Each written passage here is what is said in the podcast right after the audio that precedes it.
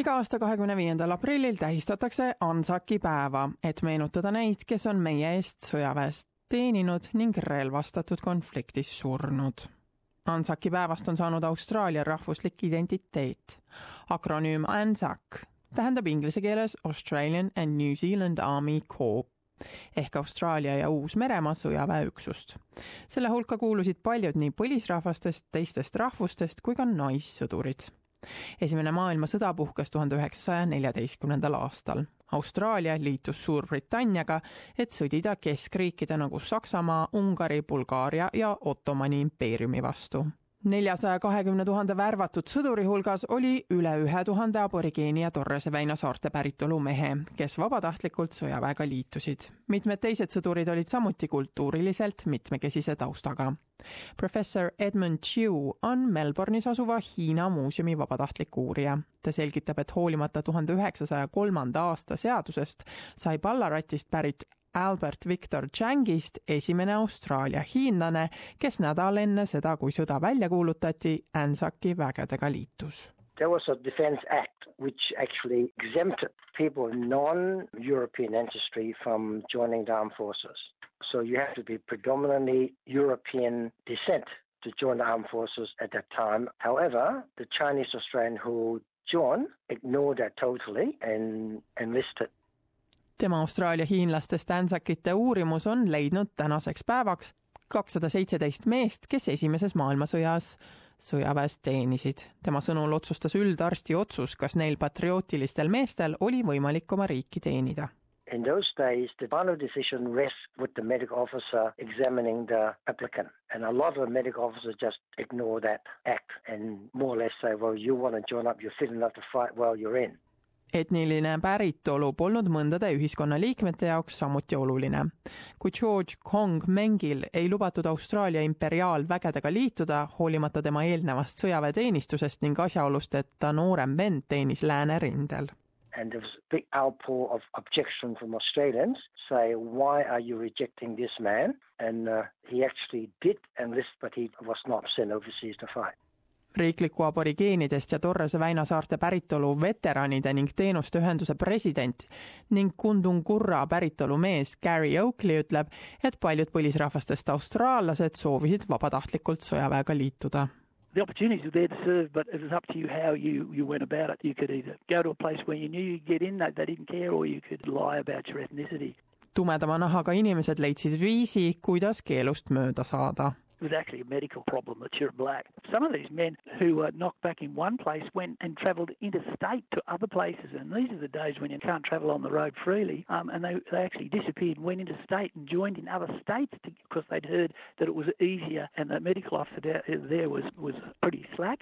Gary Oakley ütleb, et aborigeeni ja Torrese väina saarte mehed liitusid sõjaväega teistel põhjustel, mille hulka kuulus näiteks võimalus palka saada pay, love of country. Probably also they thought after the war, when they came back to Australia, they would be seen in a different light. You know, we weren't citizens. So they thought, you know, this will help us to become citizens. People will see that we serve too. Plus, it also would have been an adventure.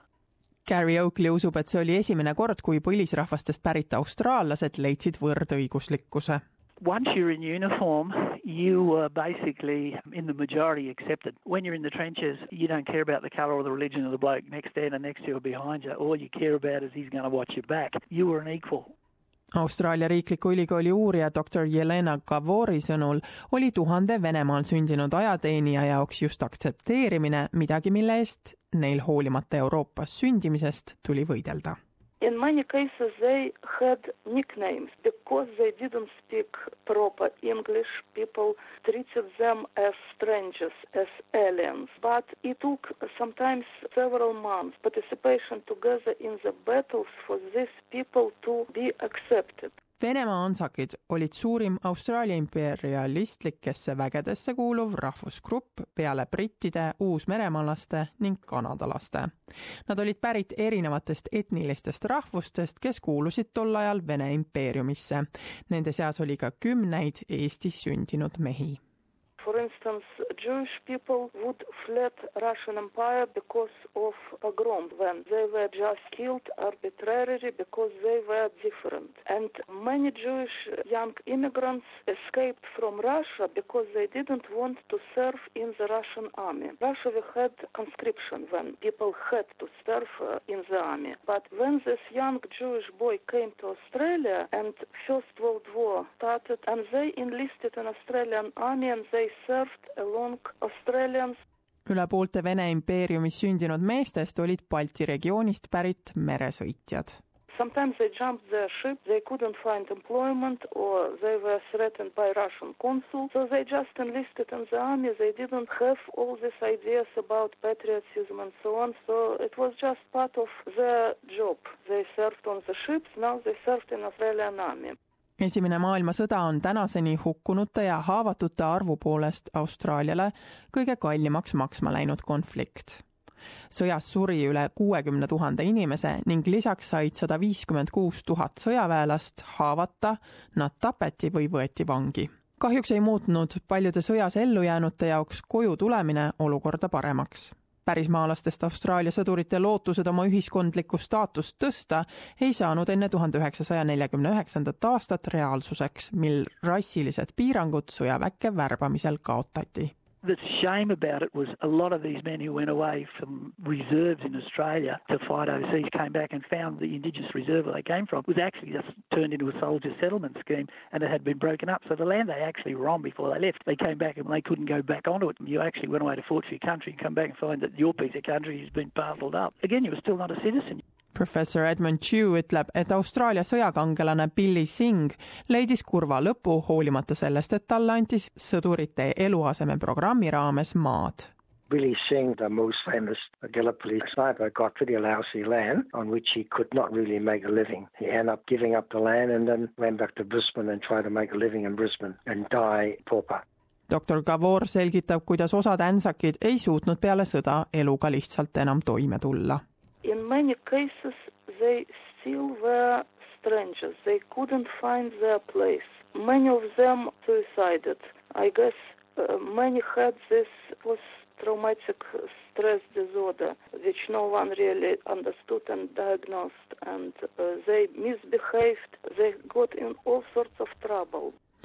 doktor Gavori huvitas, kuidas Vene änsakid peale sõda Austraalia ühiskonnas elasid.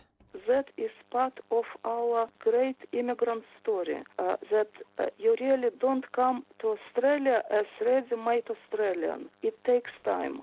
Vene änsakitest said austraallased tänu kohalikele naistele, kellega nad abiellusid. doktor Gavor selgitab, et Austraalia multikultuursus sai alguse änsakitest ja nende erinevatest kultuurilisest ja etnilisest taustast Sometimes this immigrant from a Russian empire was the only so-called Russian in the rural settlement, and many people built their image of who is Russian. That Russians can be quite good guys. They could be not necessarily Bolsheviks or communists or whatever. They could be settlers like you and me. So it was really a very important message that they gave to Australian society that people can be different and they can be part of Australia.